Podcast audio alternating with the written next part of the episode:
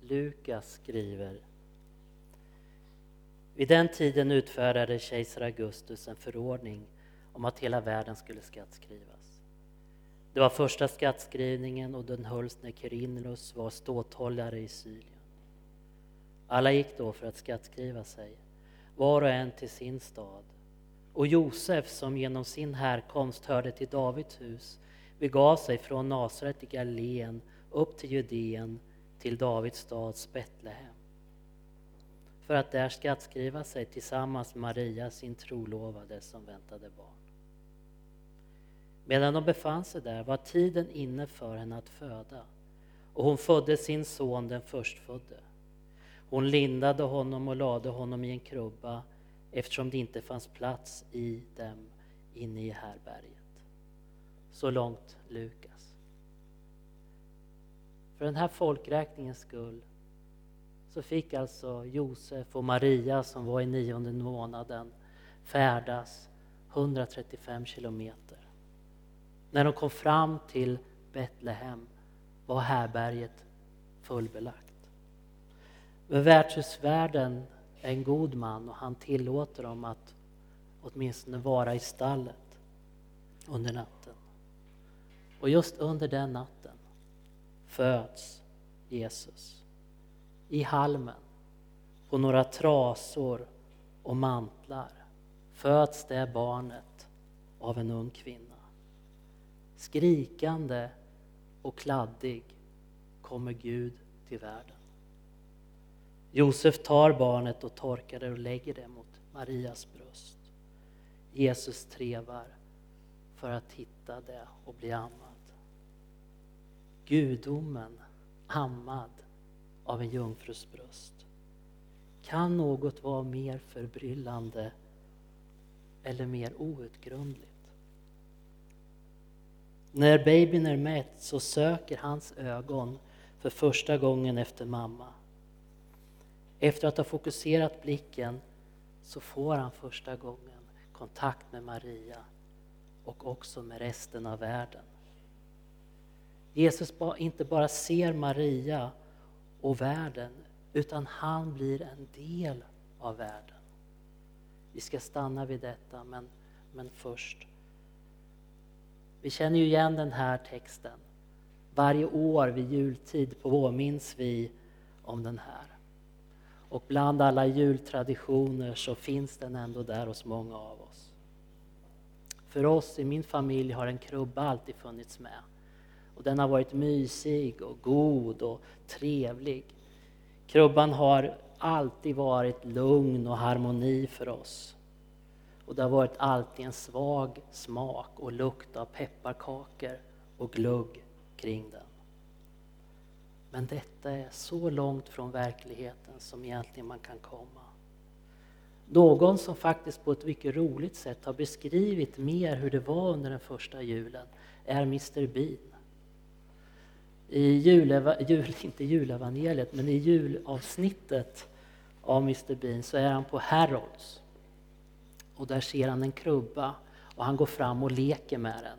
Och det kommer mer och mer figurer framför den krubban. Det kommer en lastbil eh, backande, pip, pip, pip. Det kommer marscherande soldater. Och det kommer en gubbe från Dr Who-serien som säger exterminate, exterminate, exterminate. Och det visar, tycker jag, på något otroligt sätt att Jesus föddes inte i någon fridfull tid. Han föddes i en orolig tid. Men det handlar inte bara om omständigheterna kring Jesus födelse. Och det är inte bara de som försvinner i våra jultraditioner.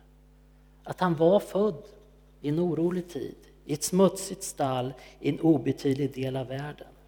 Det är inte det mest uppseendeväckande. Det mest uppseendeväckande är att det är Gud som föds.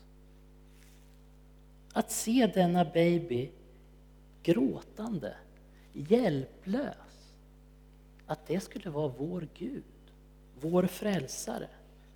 Det finns inget liknande i historien.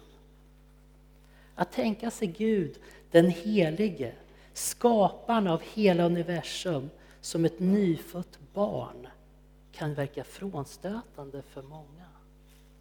Det är lättare att tänka sig på någon helig, ouppnåelig sak som vi kallar Gud, någon kraft. Men att kunna se Gud som ett litet barn kan vara mycket, mycket svårare att ta till sig. Men Gud är med oss.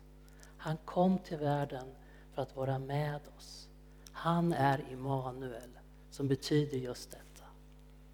Men nu tillbaka till Maria och hennes första möte med Jesus och Jesus första möte med världen. I Jesus uppenbarar sig Gud. Gud skaparen som är större än allt vi kan tänka. Större än själva verkligheten, för han har skapat verkligheten.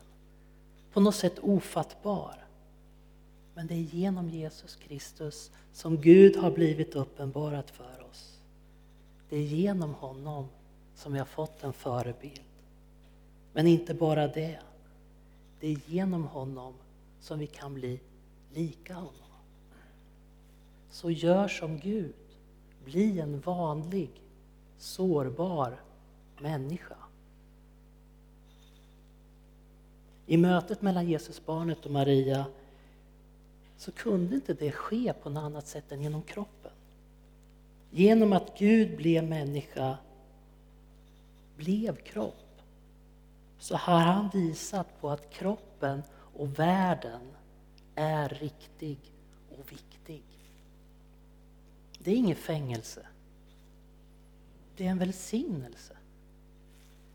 Kroppen, anden och själen hör ihop. Det är med vår kropp vi följer Gud. Det är genom vår kropp vi älskar varandra. Det är genom vår kropp som vi lovprisar honom. Så vår andlighet är fysisk, är kroppslig. Och det innebär också att Gud inte är rädd för våra stressiga liv. Ibland känns det som att Gud är som ett skrämt djur som man måste locka fram i någon form av stillhet. Och stillhet är inte negativt. Men Gud finns i vårt stressiga liv. Det har han visat genom att han har fötts till den här världen. Och han kan trivas där också. Så mitt när vi hämtar våra barn, när vi handlar, när vi stressar runt, så finns Gud där. Gud är inte rädd för våra liv. Han är med i våra liv. Men så var det också att Jesus inte bara ville ha en allmän kontakt med världen. Han ville få en relation. Han ville få en relation till sin mamma och han vill ha en relation till världen och han vill ha en relation till oss. Det måste finnas en mottagare. Och Maria är mottagaren i den här texten. Men hon är inte bara mottagare, hon är också aktiv i berättelsen. Det är hon som tillät Gud att låta Jesus födas genom henne och i henne. Jesus söker en mottagare. Kärleken söker den älskade. För vissa av oss är det svårt att se Gud som en helig fader. För andra av oss är det svårt att se Gud som den här 30-åringen som går runt och helar och förkunnar. Men har du funderat på att se Gud som ett litet barn i din famn? Tänk, Gud vågade bli ett barn. Gud vågade överlämna oss i människornas händer. Så genom Guds födelse som människa så räddar han världen och oss. Han blir oss lika för att vi ska bli lika honom. Utan undret i stallet finns ingen räddning. Och i nattvarden firar vi just detta att Jesus har blivit människa. För nattvarden handlar just om Jesu kropp och Jesu blod. På samma sätt som han kom till världen och blev människa kommer han oss till mötes i nattvarden, i brödet och i vinet. I nattmad, nattvarden möter vi Gud och han ser på oss och han ler. Ta emot detta, ta emot nattvarden och gör som Maria. Göm detta möte i ditt hjärta och låt dig begrundas av det.